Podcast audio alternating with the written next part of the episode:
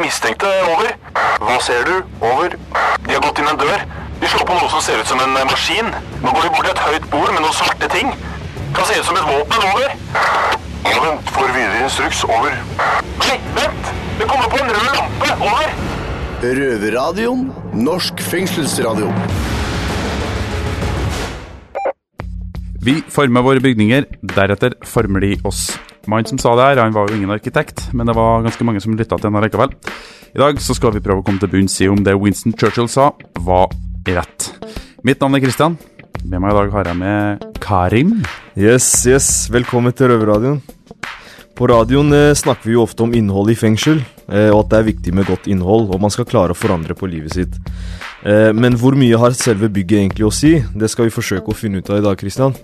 Ja, og Hvis vi tar bilder av de ulike fengslene i Norge, så ser vi at de er, ser ganske forskjellige ut, egentlig alle sammen. For Ja. Fengselet her ved siden av oss har jo vært et eh, ølbryggeri før. Ølbryggeri? Ja, Shit. lag god bayer her. Åh, Tror du det er noe øl i gangene her nå, eller? Nei, begynner å bli tomt. Bare fengselssats. Jeg skjønner. Eh, vi skal i hvert fall eh, prøve å høre litt med røverne våre i Bergen om eh, hvordan deres fengsel er og hvordan det former dem. Så vi setter egentlig bare over til Bergen. Yes.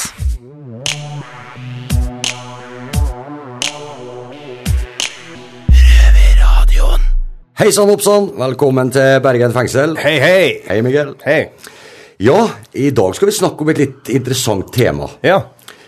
Hva syns du om eh, Bergen fengsel, sånn bygningsmessig? Bygningsmessig, ja. Jeg, altså, første gang det kom her, så ble jeg eh, veldig fascinert etter hvert som jeg ble kjent med disse forskjellige områdene der vi beveger oss. Sånn, Vi har en liten butikk, vi har tannlege, vi har lege, fysioterapeut. Vi har liksom, Det er akkurat som en, en liten landsby. Og så har vi disse her eh, si, brakkene eller cellene som vi bor i samlet. Sant? Ja, for Bergen fengsel er jo bygd opp på en litt spesiell måte. Det Ja. det er liksom ikke lange korridorer med celler på hver side. Her er det bygd opp på en måte som eh, forskjellige avdelinger med små boenheter. Ja. Så kan det romme sju innsatte. Ja. Der vi ordner maten vår sjøl. Og helse- og arbeidsplasser ligger jo på en måte i andre bygg enn der vi bor. Ja, de er separert. Og det er jo, eh, I forhold til andre fengsel, jeg kan jo snakke litt om Trondheim fengsel. Mm. Det er jo bygd på en helt annen måte. Det var jo bygd på 70-tallet. Og der er jo på en måte et A-bygg der du har varetekt og lukkeavdeling. Mm. Og så etter hvert, når du oppfører deg litt fint, så blir du flytta over på en fellesskapsavdeling. Ja. Og der er jo vaktrommene på en måte i midten av bygget, og så er det avdelinger på hver side Ja. i to etasjer. Ja, og det tror jeg Det er vel som flere steder, så var det akkurat sånn som det var det på Ringerike fengselslag. Jeg tror faktisk at Ullersmo er noe lignende som det. Men eh, i dag har vi vært så heldige og fått en gjest her i studio. Eh, Leif Våge. Han er assisterende reg regionsdirektør for Region Vest. Velkommen, Leif. Tusen takk for det. Det er veldig kjekt at du tok deg tida til å komme hit og eh, hjelpe oss litt med Forklare oss litt om oppbygninga av Bergen fengsel. For det, det er jo bygd på en visjon. Ja. Det, det er veldig spennende å se på eh, hvordan fengselsarkitektur har forandret seg over tid. Og Bergen fengsel, da var man veldig opptatt av det sosiale fellesskapet og trening på å være sammen. Og hele fengselet er bygd rundt den ideen. Og så, når du nevner um, Ullersmo og disse fengslene fra 70-tallet, så var de bygd på en idé om at um, det å jobbe var veldig viktig. Så arbeidsdrift og verksted var veldig sentralt der. Uh, Her fikk vi også, i tillegg til arbeidsdriften og verkstedene, så får du også skole. Mye plass til skole. Veldig viktige ting. Og så får du boenhetene der man skulle ha sosial trening, og der også betjenter skulle være til stede, f.eks. under måltider og spise sammen. Så alt sammen lagt opp på en veldig, veldig fin måte. Um, det som manglet i Bergen fengsel, og mangler uh, som jeg har slitt med en stund, det er rom til andre ting. F.eks. når jeg begynte her som psykolog på midten av 90-tallet, så var det ingen psykologkontor, ingen grupperom, ingenting du kunne drive eh, psykologisk virksomhet i. Så da delte jeg kontor med legen til jeg fikk en celle inne på en cellegang. Og det var veldig kjekt, for da var du jo blant de du skulle jobbe med. Ja, men eh, du, du har, I dag er du altså assisterende regionsdirektør. Men har du, har du vært ansatt i krimi... Du snakker om at du har vært psykolog. Har du jobba i kriminalomsorgen lenge? Ja, altså det var jeg, og da, da kommer du via helsevesenet. Og så i 2001 så, så kom jeg i denne jobben. Så snart eh, 20 år. Vi snakka om at det var bygd opp at det skulle være én betjent på- per boenhet. Sånn er jo ikke lenger. Nei. Så det er, vi, det er vi langt unna nå. Sånn at jeg pleier å si om Bergen fengsel at det er et moderne fengsel med en gammeldags bemanning. Og når jeg sier gammeldags bemanning, så må du huske det at når vi fikk et stort gjennomslag i, i 1840, når man eh, forandret straffen fra å være en kroppsstraff, eh, sant, slaverier, til å bli et eh, fengsel som skulle føre til bot og bedring, og da gjennom isolasjon. Sånn at vi har lang lang tradisjon med å være dårlig bemannet, og det tror jeg vi sliter med. Så derfor, nå når vi får den øh, øh, store ja, meldingen eller øh, høringen med Stortinget på isolasjon, så kan det representere et brudd håper jeg da, og jeg er alltid optimist, med denne her isolasjonstanken og be, styrket bemanning. Betydelig styrket bemanning trenger vi hvis vi skal innfri en del av de kravene, og det trenger vi. Ja, for, for hvis vi går litt tilbake i tid, da. Bergen fengsel åpna jo eh, på 90-tallet. Ja, I 90, utgangspunktet, ja. utgangspunktet bygd til 152 innsatte. Ja, ja. Og i 1998 så kom det jo eh, A- A-øst, som vi kaller det her. Det er jo, det er jo i utgangspunktet ei varetektsavdeling tiltenkt. Ja. Og, og nå, eh, vi, vi snakka om at det var en betjent per boenhet. Og da var det vel sånn at den betjenten skulle på en måte være sammen med de innsatte for å oppnå noe. Ja da. Det var den sosiale treningen som du skulle sørge for skjedde. Og, uh, så, så i 2000 og 2001 så skrev vi, basert på den tenkningen vi hadde her, en artikkel til Nordisk ministerråd som heter 'Interaktive fengsel'. Og det var nettopp den tanken at uh, innsatte ansatte hadde interaksjon, og at du hadde strukturerte interaksjon på den måten at du laget programmer og utviklet det, og at arbeidsdriften hele tiden jobbet strukturert for å utvikle eh, ferdigheter som du trenger når du kommer ut. Jeg bare lurer på en ting. Altså han, eh, vi har jo han justisministeren vår, Jøran Kalmyr. og Han, altså han hevder jo det at eh, tilbudet, altså aktivitetstilbudet i norske fengsler har aldri vært bedre. Det har aldri vært bedre dekning av ulike eh, sosiale tilbud man har i fengsel. Er du enig med han i den Jeg kan ikke være enig i det. Nei. Um, så der deler vi en forskjellig virkelighet. Ja. For eh, tanken bak eh, eh, Bergen fengsel, Ja. det var som du var litt inne på, at det skulle være tett bånd mellom ansatt og innsatt, og rehabilitering og styrke dem til den løslatelse. Ja. Eh, Bergen fengsel er jo det første fengselet som ble bygd på den modellen her. Er det andre fengsel i Norge som er bygd på samme prinsippet som Skien vil ligne veldig mye, og du kommer jo rett etterpå. Skien? Ja. Ja. Og det er, det, det, er mindre, det er mindre skala, ikke det? Jo. Ja. Men det er bygd på samme Samme, samme modell. Men hvorfor, hvorfor gikk eh, de som bestemmer, bort fra den eh, bygningsmetoden som Bergen fengsel er bygd etter? Nei, ja, Da tenker du på de eh, fengslene altså, Halden var jo et fantastisk fengsel. Den var veldig mye bygget på en kompleksitet i soningen. sant? Med arbeid, med skole, med programvirksomhet og alt det som vi da eh, tenkte.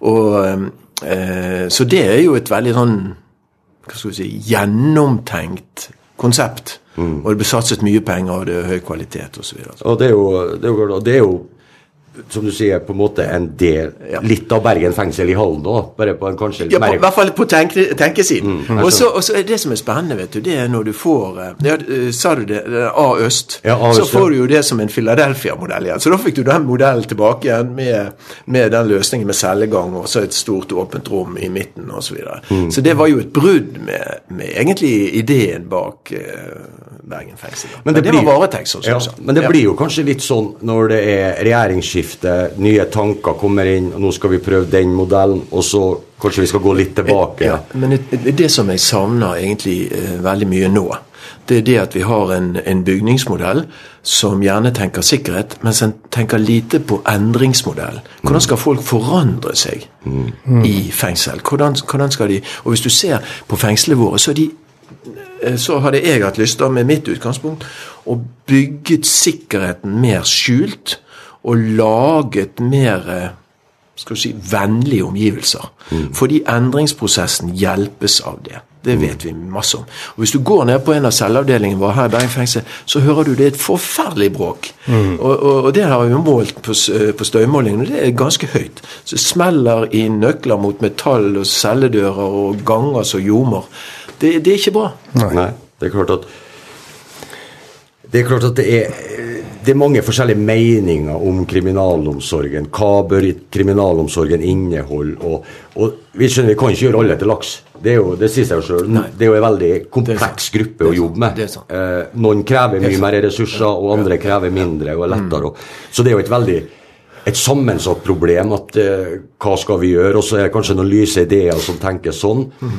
Og jeg lurer på litt at eh, Du har vært litt innpå det, men eh, men hvis du har fått bestemt da, hvordan du ville ha gjort det her, har, har du ville ha bygd Bergen fengsel, eller har du ville ha bygd Eidsberg fengsel?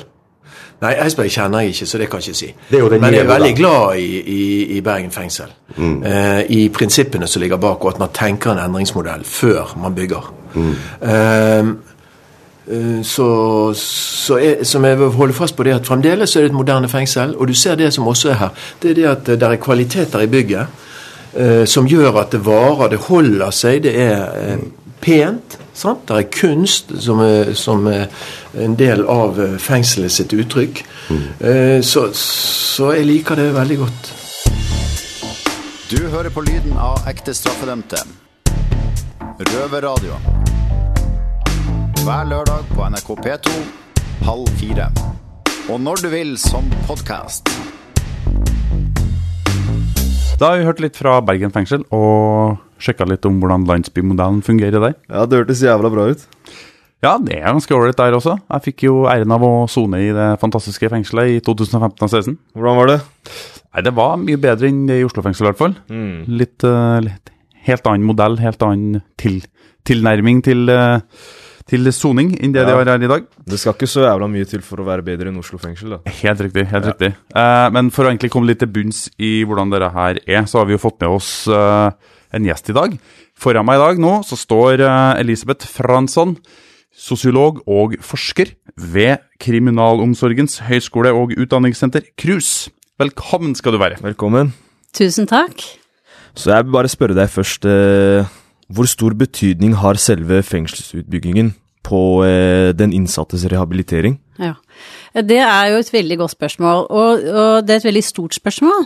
Men jeg kunne tenkt meg å liksom starte mer med å tenke sånn hvordan, hvordan er det å komme inn i fengsel? Og kjenner man på en måte på at fengsler er ulike? Og eh, går det an å spørre det spørsmålet tilbake, hvis vi starter der, og spørre liksom på en måte har dere kjent noen gang på det der med at, at dere kan kjenne på helt ulike atmosfærer? Krefter? Spenninger? Ja, Øh, det kan jeg vel egentlig eh, påstå å si at vi har. Vi har Ja. sona litt på forskjellige fengsel, både jeg og, jeg og eh, Karim her. Jeg har jo blant annet sona i Bergen fengsel, som er et sånn utforma som et helt annet type fengsel enn det fengselet vi sitter i nå, som er Oslo fengsel. Med ja, litt mer sånn landsbyfølelse, med boenheter hvor du har en lang gang, sånn som du har her, men disse dørene i den lange korridoren leder inn til en boenhet. Slik at man blir på en måte ikke så isolert som man blir her, da. Du blir, de låser døra til boenheten når de har møter, eller når de har ditt, eller hvis en alarm går, men de, løser, de låser liksom ikke inn på cella. Så du har fortsatt, selv om alarmen går, så kan du fortsatt stå og lage mat og spille sjakk og så, se på TV sammen med andre. Så det er en litt annen tilnærming, det er en helt annen øh, sånn stemning da, Ja. i Bergen fengsel. Nei, nei, jeg har vært innom, eh, innom tre-fire forskjellige fengsler, og jeg syns eh, at eh, Oslo fengsel eh, særlig kanskje har tenkt minst mulig på rehabiliteringsbiten når de har utforma fengselet, da. Mm. Kan- Og når du sier det da, så, så, så blir jeg veldig nysgjerrig på liksom, åssen kan du merke det? Nei, det er, jo, det er jo måten man føler seg på som en innsatt her, hvor man er eh, ofte veldig kontrollert. Har eh, utallige metalldetektorer man skal gå gjennom, og det er vanskelig å komme fra, fra A til B på egen hånd. Så man føler seg litt som en eh, fanga i bur, da. Og det, det syns jeg er For da er vi, snakker vi på en måte om eh, sånn som dette her med rehabilitering er jo et veldig stort begrep, men det dere forteller om nå, er jo hvordan en korridor, altså at det avhenger om at du kommer ut i et fellesskap, eller, og du føler deg relativt sånn, kan føle deg litt åpen i et åpent fellesskap, og sånn som du også sier i forhold til det at det, det er trangt, du føler at det på en måte er kontroll, du blir sett. Og det tenker jeg handler om rehabilitering, og det handler om normalitet. Ja. Fordi at noe av det som er det helt sentrale i kriminalomsorgen, er at normalitetsprinsippet skal stå veldig sterkt.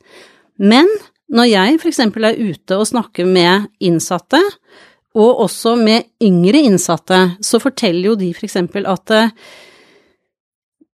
En fortalte meg f.eks. at han ikke hadde besøk fordi at han måtte gjennom visitering eh, før og etter. Og det betyr f.eks. at eh, sånn som du erfarer fengselet, det får en helt konkret betydning, helt kroppslig, på hvordan du opplever det. Og det har jo betydning. Men det er vanskelig å si, ikke sant, at eh, det fører til det. Men, men jeg tror at det å ta tak i den kroppslige opplevelsen, det man erfarer, og ha tiltro til det man erfarer når man er i forskjellige eh, fengsler, det, eh, det gir jo noen Det forteller noe om hva kriminalomsorgen gir deg på veien, henimot mm. progresjon, henimot tilbakeføring til samfunnet. Ja. Eh, ut fra dine erfaringer, er det store eller små fengsler som funker best? Altså det som vi vet, eh, og da eh, lener jeg meg til forskning på KRUS, eh, det er at eh, de små fengslene skårer mye høyere på trivsel og velbefinnende i forhold til de store fengslene. Ja. Og derfor så er det også veldig paradoksalt nå at man har lagt ned de små uh, fengslene. Ja. Uh, fordi noe av det som virkelig viser seg å ha fungert i Norge, det er jo disse små enhetene. Hvor man har hatt en mye større grad av normalisering. Normalitetsprinsippet har stått mye sterkere. Og det har ofte vært en litt sånn sterk ideologi også, i forhold til sånn som eh, Hassel og en del av de andre fengslene, også Bastøy, ikke sant. Bastøy bygger på en, en mer sånn humanøkologisk De har hatt en idé med det som skal ligge til grunn for fengselet. Så man, altså, har det hjulpet mer på rehabiliteringen å være i et fengsel med f.eks. 20 innsatte, kontra at man er i et fengsel med 200-300 innsatte? Ja, og eh, det mener jeg eh, at er forskningsbelegg for å si. Eh, Og så tenker jeg at når man snakker med innsatte som er på mindre fengsler, og du er involvert i en virksomhet som på en måte er litt sånn, holdt på å si, høyere enn deg selv, det går sant, både for innsatte og ansatte. Ja. Altså du er med kanskje i et gårdsbruk, eller du er med på noe som har en eh, helt konkret verdi. Du kan ta en utdannelse, du kan Det er klart det får en betydning på en helt annen måte enn å føle seg som én i en svær flokk. Mm. jeg vil i hvert fall tro det. Ja, jeg har jo sittet, som jeg sa, i Bergen fengsel, og der var det jo en, eh, en åpen avdeling som dessverre også ble lagt ned. Uh, Osterøy fengsel. Uh, jeg vet ikke, Tenker du også litt i forhold til at de er åpne, eller tenker du også at det burde være en lukka fengsel som er mindre, men lukka fengsel drevet mer som, et, uh, som de åpne fengslene er? Fordi den åpne avdelinga jeg satt på, den, der var det jo 34 innsatte. Kvinner Ja. og menn sona sammen. Og alle måtte faktisk jobbe der. Du følte en sånn tilhørighet til øya, for det er jo ei øy som det var vanvittig mye vedlikehold med, for å faktisk holde den øh, ved like. da. Så alle hadde på en måte en sånn liten interesse av at den øya ble holdt ved like, for da fikk vi på en måte være der og, og sånne ting, og alle deltok i den jobben. Så det var jo en helt annen tilnærming til samfunnet å være der, i forhold til hvordan det var å bare bli låst inn i en korridor og Ja. glemt, liksom. Ja. For da snakker du jo på en måte igjen om den ideen at det er på en måte no, Det er en idé med det. Altså du, du inngår i et fellesskap eh, som, som ikke bare har, eh, har å gjøre med at du skal sone en straff, da. Men til det spørsmålet som du stilte om jeg ser for meg at det kan være viktig, altså om dette med åpne og lukkende, det er jo vanskelig, for det Det har med så veldig mange ting å gjøre. Men, men jeg tenker hvis vi trekker det inn mot fengselsarkitektur, så tror jeg at eh, måten du bygger på, om du tenker lange korridorer, er det noe som skjer i de korridorene? Leder den korridoren? Er det lett å komme ut i fellesområdet? Er det eh, er det sånn at eh, så fort du stikker nesa ut, så er du en del av et miljø? Jeg tenker at sånne ting betyr noe. Og vi har hatt en Jeg sitter akkurat og skriver eh, på en artikkel, jeg har egentlig ferdig med den, om eh, fengselsceller i Italia og Norge for kvinner. Jeg har hatt noen interessante fokusgrupper på Bredtveit, blant annet. Og det som vi ser i, den, eh, i den, det lille prosjektet, det er jo at i Italia Dette har også noe med kultur å gjøre. Men uh, i Italia så er det ikke så mye muligheter for sysselsetting og skole og sånne type ting. Men det kvinnene gjør, det er at de bor jo for det første på flere cellsrom. Altså det er fire-fem kvinner som har Og det er lite plass, og de må organisere. De setter aldri en som eksempel er eh, i nærheten av å ta sitt eget liv, alene på en celle. Mm. Det er helt imot Altså, det er helt ulogisk å tenke på den måten. For en, en som er sliter psykisk, må alltid være sammen med andre. Ja. Og når de da kommer Dette er en Philadelphia-motell, så når de kommer ut på korridoren, så møter de andre kvinner, og de kan stå og rope til hverandre fra, fra forskjellige nivåer. Mm. Og det er språk, og det er, og det er et utrolig støynivå når du kommer inn som med din sånn norske bakgrunn, da. Men, men eh, det som var interessant når jeg snakka med eh, disse kvinnene i den fokusgruppa på Bredtveit, det var denne her med den stillheten. Altså det der med det å sitte alene på celle, prøve å fokusere blikket, holde kroppen i ro, altså komme ut på en korridor som de sa det er ikke noe der. Og da kan man jo tenke sånn, hvis du for eksempel da er i en fase hvor du isolerer deg, hvordan er det da? Kanskje så er det da ganske komplisert å ta det skrittet ut i korridoren, gå Ja. til fellesrommet, og alle sånne ting. Nå sier ikke jeg at vi skal ha svære eh, rom med mange, men jeg bare prøver å si at det, rom betyr noe uansett. Mm. Og det er vanskelig alltid å si om det er eh, positivt eller negativt, det tror jeg man må studere helt spesifikt. Men jeg tror at eh, det er jo interessant at, sånn som dere starter med å si, at man kjenner jo på kroppen at det er forskjellig i forskjellige fengsler, og at noen steder så føler man seg bedre enn andre steder. Ja, altså sånn som jeg følte soninga på den øya var jo helt annerledes enn det var f.eks. i Bergen fengsel, som var lukka. Mm. Men vi står jo på en måte akkurat nå så står vi jo ved siden av eh, det gamle Botsen, Ja. altså det berømte Egon Olsen-fengselet. som ble bygd etter en sånn Philadelphia-modell. Mm. Um, og det, vi, det jeg lurer litt på er, Norge har jo fått mye kritikk for bruken av isolasjon Mm. etc., etc., men vi bygger fortsatt fengsel i Norge som er helt nye fengsel, som fortsatt har, tar høyde for veldig mye bruk av isolasjon, hvor du sitter nettopp som du sier, alene på cella. Du må følges overalt, du må, det er betjenter som må følge deg hvis du skal dit, du skal datt. Mm. Hvorfor fortsetter Norge sånn som det her? Ja, det er et veldig godt uh, spørsmål, og, og, og det kan godt hende at det ligger noe veldig sånn dype Altså at, det, at det, jeg tenker botsfengselet, da, som var mm, hvor man tenkte seg, ikke sant. Bot, du skulle på en måte tenke over, sitte der. Uh, og på en måte komme på bedre tanker. Vi er jo vant til å tenke Norge som eksepsjonelt gode, også på fengsel. Halden fremstilles som det mest humane fengselet. Men innsatte i Halden opplever jo ikke nødvendigvis det. Nei, altså Hvis vi tar Stor- Halden ja. som et eksempel, Ja. da, da eh, Fengselet er jo på en måte Hvis man går innafor murene, så ser man at fengselet er på en måte bygd som en liten by, eh, der man har forskjellige blokker, og så har man litt skog i midten og Men eh, jeg vet ikke helt så hva som var tanken med det, fordi man må jo fortsatt bli fulgt overalt. Det er jo fortsatt når man går der, så det bæres preg av mye sikkerhet fortsatt, i stedet for å behandle det som en liten by, da, der hvor innsatte kunne ha gått fra A til B uten eh, streng kontroll. Så jeg bare setter egentlig spørsmål ved det, jeg. Mm. Ja. Men fikk du lov til å bruke den skogen? Nei. Du, du, Var du fikk ikke gått i den skogen, liksom? Nei, hvis vi eksempel skulle fra blokka til eh, butikken Mm. en gang i uka for å handle, så ble vi fulgt med to betjenter og Så, så, så, så det var liksom eh, Det var for syns skyld. Ja, det var for syns skyld, det var for pynt, det. Mm. Mm. Nei, og, og dette her tror jeg er veldig viktige spørsmål å stille seg, og jeg tror nok også at Statsbygg eh, eh, tenker mer på det nå, når de skal i gang og, eller driver og bygger nytt. Um, det stemmer veldig godt med det vi, det vi lille vi har på forskning, det som du sier, i forhold til at, at når du satt der, så, så, så, kunne du se skogen, men du kunne ikke bevege deg i den. Og det mm, skriver jo Berit Johnsen i den boka som heter Prison Architecture and Humans, som man kan laste ned fritt, et kapittel om, og hun bruker et eksempel fra, fra en innsatt som prøver å, å å, på en måte lage en forestilling når at han på en måte løper i Frognerparken. Han prøver å skape en forestilling inni hodet sitt, men det han egentlig gjør, det er at han løper inne Han lager en arena i cella si.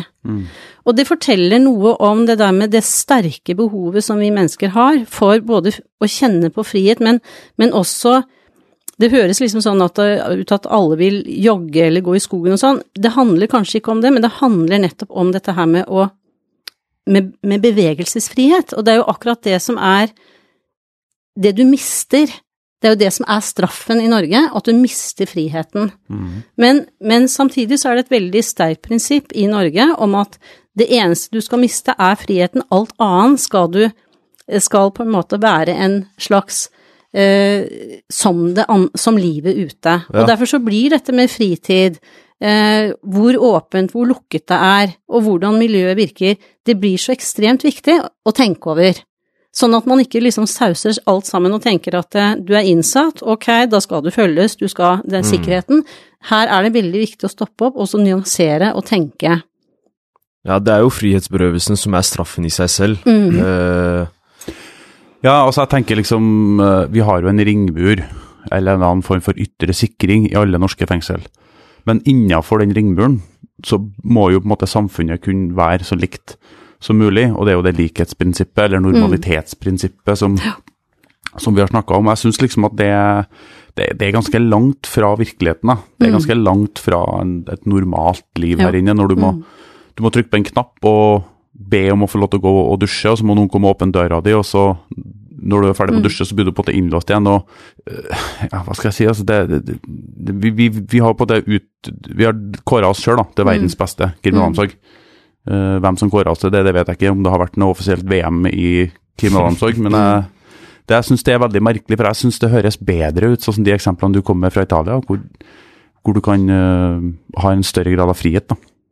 Men for å rulle litt videre, vi har jo øh, en øh, redaksjon oppe på Bredtvet fengsel, et kvinnefengsel her i, Oslo, her i Oslo, som har hatt noen utprøvinger om noen hager og litt sånne ting. Så jeg tenkte at vi kunne øh, lytte til et klipp derifra, så får vi høre litt om øh, hvordan de har det med hagen der.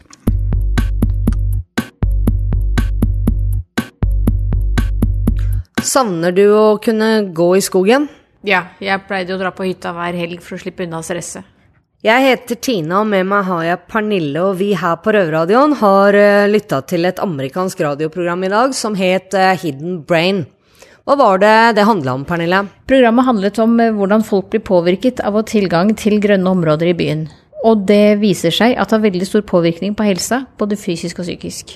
Som eh, for eksempel Hun forskeren som ble intervjuet, hadde funnet ut at eh, vi blir mindre stressa og får bedre immunforsvar. Og at bare det å se på trær faktisk senker pulsen. Ja, vi sender jo i dag fra Bredtvet, og Bredtvet, for dem som ikke veit det, det ligger jo i Groruddalen i Oslo. Og vi kan som borgerne i byen ellers se litt grønt omkring oss. Men hvordan ser det egentlig ut med grøntområder her inne på fengselet, Pernille? Jo, vi har fem flotte hager her med blomster, trær, bærbusker, som ble bygd fra Nav-kurs de siste fem årene. Ok, altså samme type Nav-kurs som det vi gikk på i sommer, da? Det stemmer. Ja, vi var jo så heldige begge to å få være ute i sju uker. Ja.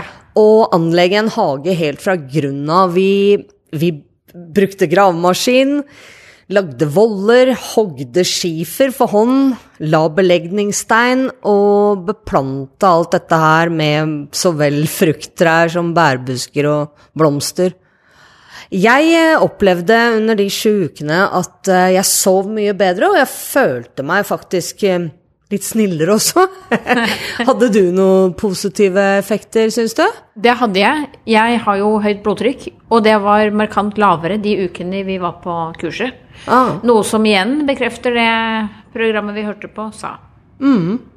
Synd da, er jo at vi har veldig lite tilgang til disse grøntområdene. Ja. Ti minutter eh, på morgenen og ti minutter på kvelden når vi har røykepauser. Tror du at eh, tilgangen, mer tilgang til, eh, til disse områdene, ville gjort noe forskjell for oss? Ja, det fikk vi jo bekrefta i fjor sommer, når vi fikk full tilgang store deler av dagen til den ene hagen. Da var det jo ingen krangling, ingen dårlig stemning. Alt var bedre her inne. Ja, jeg sjøl satt jo i fengsel i Sverige i flere år før jeg kom hit, og da hadde jeg muligheten til å jobbe i Veksthuset der i fire år, og det var jo en fantastisk opplevelse. Å komme inn dit om morgenen, bli overvelda av alle sansene mine, av lukter fra alle blomstene, farvene og det å, å tutle rundt der og grave i jorda hver dag og være i kontakt med naturen, selv om man fremdeles var inne i en bygning, da, det, det, gjorde stor forskjell fra meg. Sånn at igjen, min personlige opplevelse bekrefter jo da det vi hørte om i programmet i dag, at uh, absolutt har mye å si for uh, så vel fysisk som psykisk helse. Så etter alt dette, hva tror du? Tror du vi hadde hatt bedre av å være mer ute i det grønne, Pernille? Ja, jeg tenker at tilgang til grøntområder absolutt burde bli en viktigere del av fengselslivet.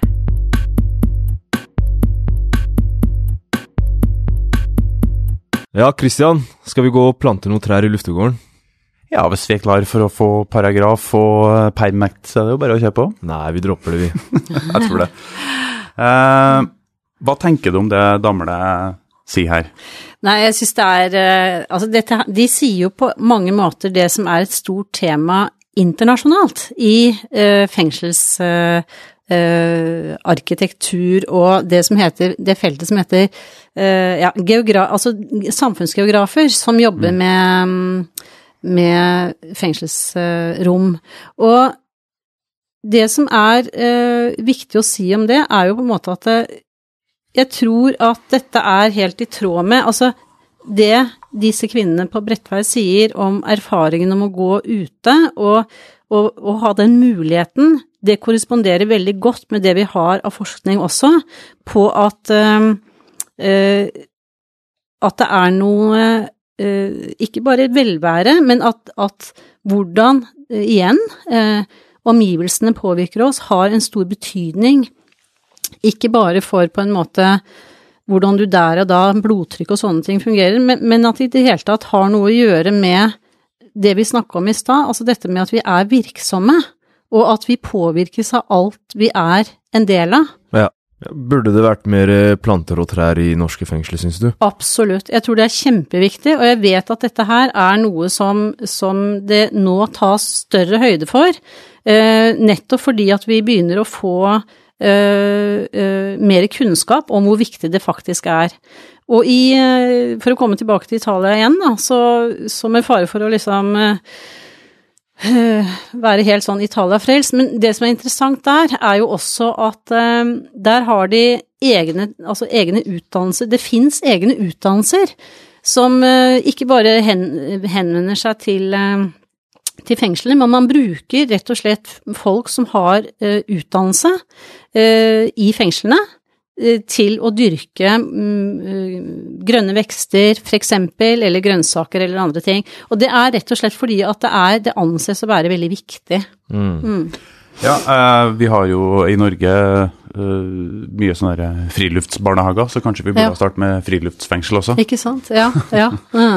Mm. Men hvis man skal tenke på det ideelle fengselet, altså hvordan mm. ser en uh, ideell fengselsbygning ut, da? Mm. Ja, og det er jo Det er vanskelig for meg å på en måte si sånn helt eksakt hva det skulle være, men det jeg kan si på bakgrunn av det vi jobber med mer forskningsmessig, det er jo at det er en stor eh, diskusjon nå på, um, innenfor fengselslitteraturen i forhold til dette her med uh, hva er uh, Hvor begynner fengselet? Hvor slutter fengselet? Har du med deg fengselet i kroppen videre ut i samfunnet når du forlater fengselet? Disse tingene er veldig viktige. Og så er det jo sånne ting som at kan man tenke seg at det går an å åpne noe eh, som egentlig er lukket? Åpne det over og ut mot lokalsamfunnet. Og da skal jeg komme med et, et eksempel. Um, uh, i dette ene fengselet som vi har eh, sett på Italia, som heter La Rebibbia, som ligger eh, i Roma, så er det i murene i fengselet, dette er et gammelt fengsel, så har man bygd butikker. Man har en ostebutikk, og man har en brødbutikk, og forskjellige andre butikker. I den ene ostebutikken så er det en kvinnelig innsatt som driver den. Hun lærte seg å lage ost mens hun satt inne i La Rebibbia, og fortsatte med det, og nå, driver denne butikken som ligger i fengselsmurene. Folk, folk kommer kjørende for å kjøpe ost der, fordi den er god. eh, og det, dette er interessant, fordi det, det, er veldig vanskelig å tenke seg det at vi skulle tenke sånn i Norge. Mm. Og nok et eksempel er jo en, et, et, eh, fengsel i Maliano, som det har blitt skrevet en del om. Det er jo en, et fengsel hvor man har åpnet den ene biten eh, for å lage en restaurant som drives av innsatte. Eh, og så kan da folk komme inn den andre veien og besøke og, og spise der. For dette er nettopp interessant arkitektonisk fordi at man prøver å, å gjøre noe med, med det man kaller border, altså the borders, altså grensene mellom ute og inne. Og det interessante spørsmålet er jo nettopp går det an å tenke annerledes i Norge på det åpne og det lukkede? Mm. Går det an å åpne fengselet eh, på måter som, som, lager en eller annen sånn berøring med utenverden. Mm.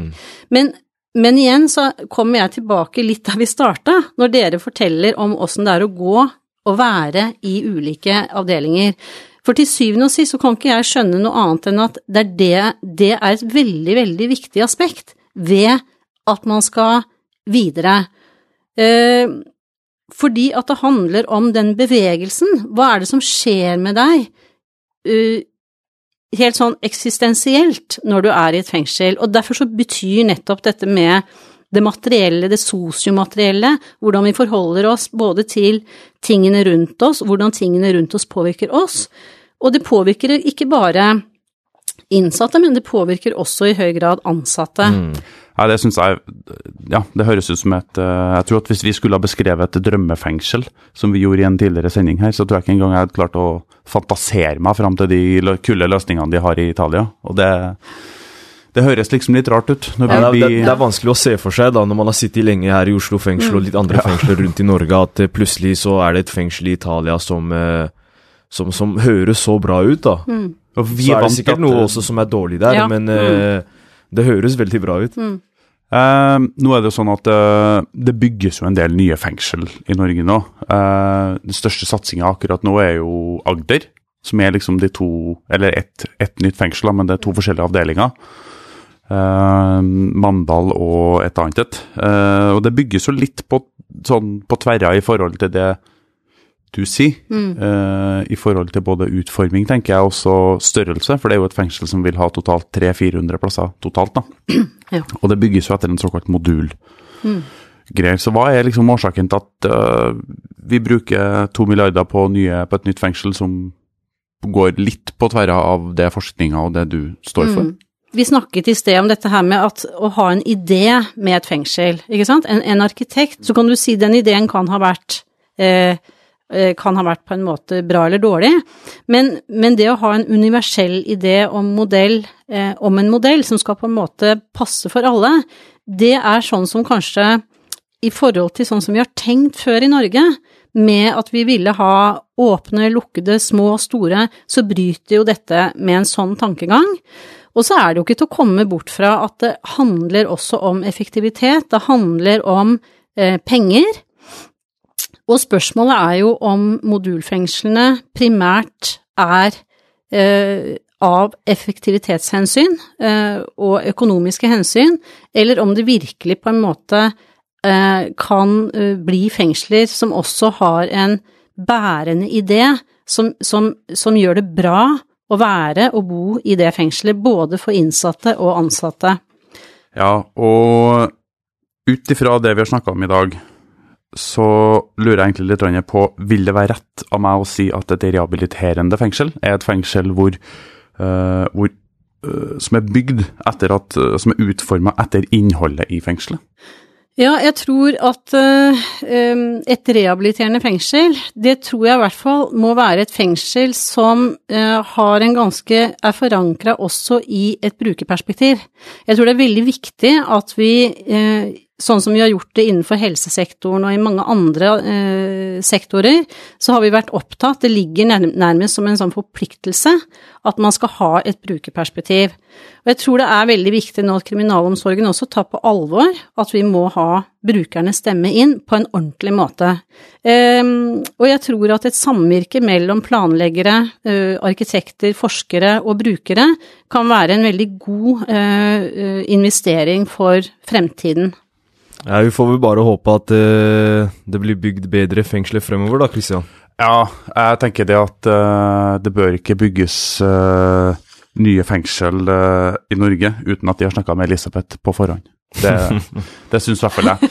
Nei, men uh, alvor, altså. Jeg syns uh, det har vært en uh, fantastisk god prat. Jeg tror vi kommer til å, og andre innsatte i norske fengsel, kan ironisk nok drømme seg litt bort og ønske at de sona i Italia istedenfor. Så jeg takker i hvert fall for praten, Elisabeth. Det var mm. veldig interessant og kult å høre på dine erfaringer og sånne ting. Takk for besøk.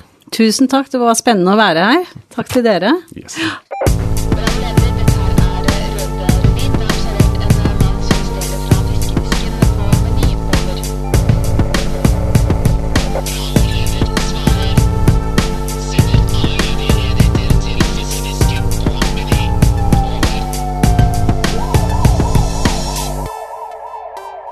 Ble du noe klokere på eh, hvordan forskeren mener at fengslene burde ha vært, eh, Karim? Ja, jeg syns alle burde søke seg til Italia, jeg.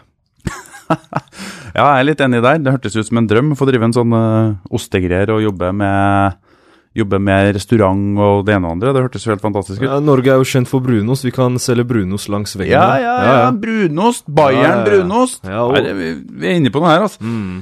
Uh, men uh, nå tenkte jeg å høre litt fra gutta her i Oslo fengsel om hvordan de vil at fengslene skal være. Og vår utegående innenmursreporter Leo har tatt seg en tur oppe i avdelinga og inn på cella til gutta for å høre litt hva de mener. Yes.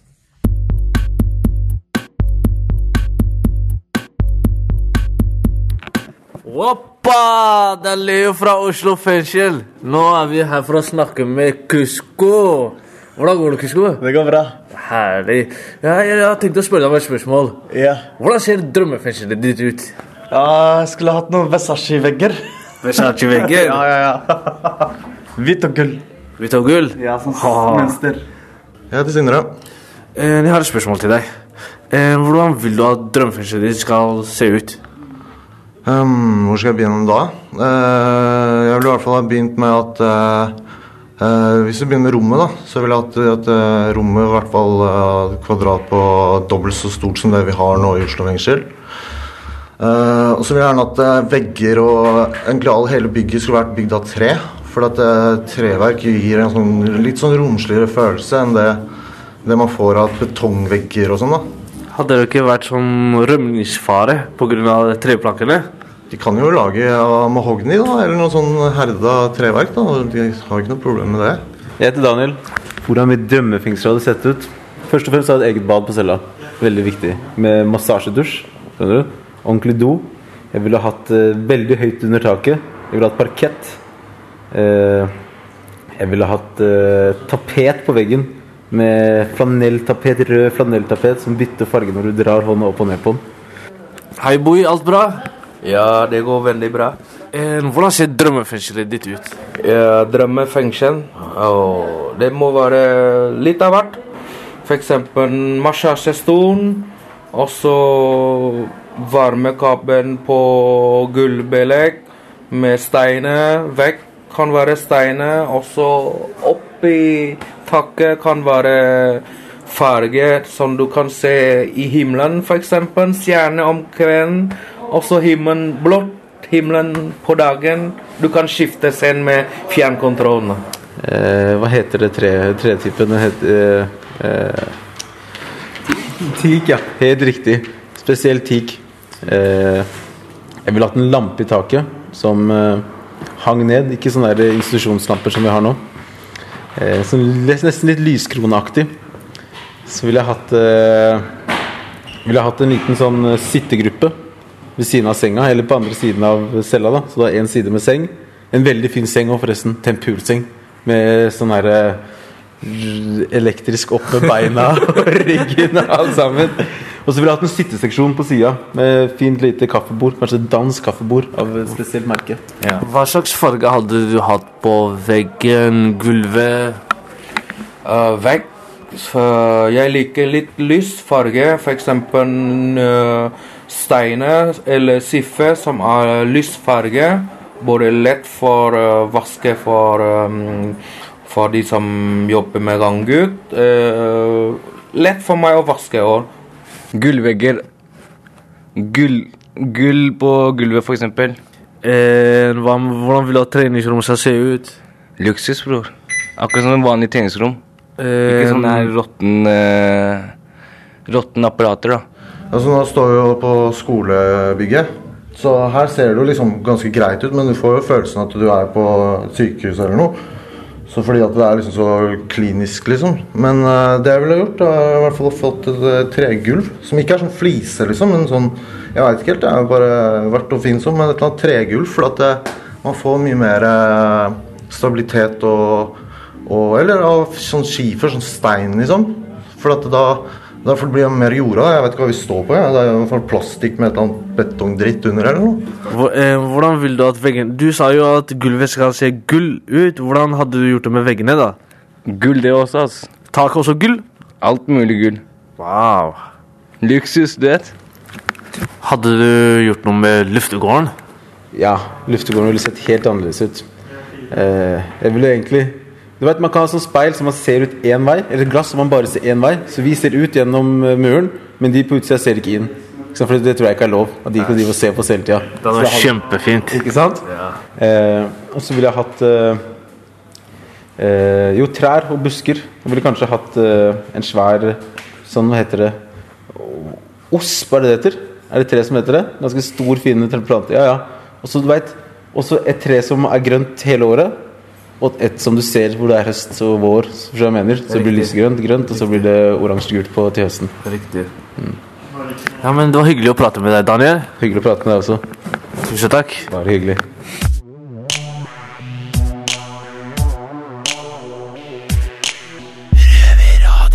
Yeah, yeah, yeah, Karim. Yes, yes. Hva syns du? jeg vet da faen. Du veit ikke? Nei. Ja, Hva syns du? Har eh, Vi starta jo med et eh, sitat fra Winston Churchill. Yes. Eh, vi former våre bygninger, deretter former de oss. Syns du det passer, eller? Vet du hva? Det kunne ikke ha passa mer. Nei, jeg er litt enig. Ja. Eh, som vi snakka om i intervjuet, jeg har jo sona i Bergen. Jeg har sona ved åpen avdeling der, ved Osterøy. Å, fy faen, det er tung kriminell, altså. Ja. Nei, men eh, altså, det var jo en, eh, en øy, det var åpen soning. Det var i hvert fall ganske fantastisk. Jeg ble ganske forma av å være der, syns jeg. Yeah. Og bli forma på en negativ måte av å sone i Oslo også. Det gjør man. Så jeg vet ikke, hva Hva syns du var det beste med sendinga? Nei, jeg likte å høre hvordan eh, alle de på avdelinga har eh, så store forhåpninger, men eh, de kommer ikke til å få en dritt av det de ønska, så Nei, det var, jeg tror ikke de får så veldig mye av de greiene der i, i Norge. Nei, for lavt budsjett, vet du. Yes, hva med det, Christian? Nei, Jeg syns egentlig det fra Italia var det beste. Eh, Ja. Kult å høre litt om hvordan folk kunne jobbe med forskjellige ting, og hvordan du kunne eh, være i Jobbe i en restaurant og en helt annen tilnærming til fengsel og sikkerhet enn de har her i Norge. Men Synes skal ikke du jobbe på radio når du kommer ut, da? Ja, du sier jo noe der. Det er jo faktisk en mulighet. Kanskje jeg skal gjøre det? Hadde jeg hørt deg på radioen, hadde slått den av med en gang. Nei, jeg er helt sikker på at du hadde blitt en fast lytter når du hadde hørt min fantastiske trønder. Men når vi snakker om radio, hvor er det folk kan høre oss? De kan høre oss på NRK P2 Ja. klokka 15.30 på lørdager. Fy Og faen, jeg gleder meg. hvor du vil, når du vil, på podkast. Yes. Men uh, før vi stikker, hva skal du gjøre på cella etterpå? Nei, jeg tenker å bare ta meg en liten lur. Hva med deg? Nei, Jeg skal jo på mate disse glade guttene. da. Jeg er Ja. jo ganggutt, så jeg må jo sørge for at de får mat i kroppen sin. Ja, ja, ja. Viktig, det. Ja, jeg tror det. tror det. Men i alle fall, det var dagens sending. Shalabais. Yes. Ha det bra. Ha det bra. Det har vært stille fra over en time. Hva skjer? Over. Det er bare et radioprogram. Det er lettere å høre på dem der. Over. Ja, vet du når det går da? Over. Det er samme tid og samme sted neste uke. Over.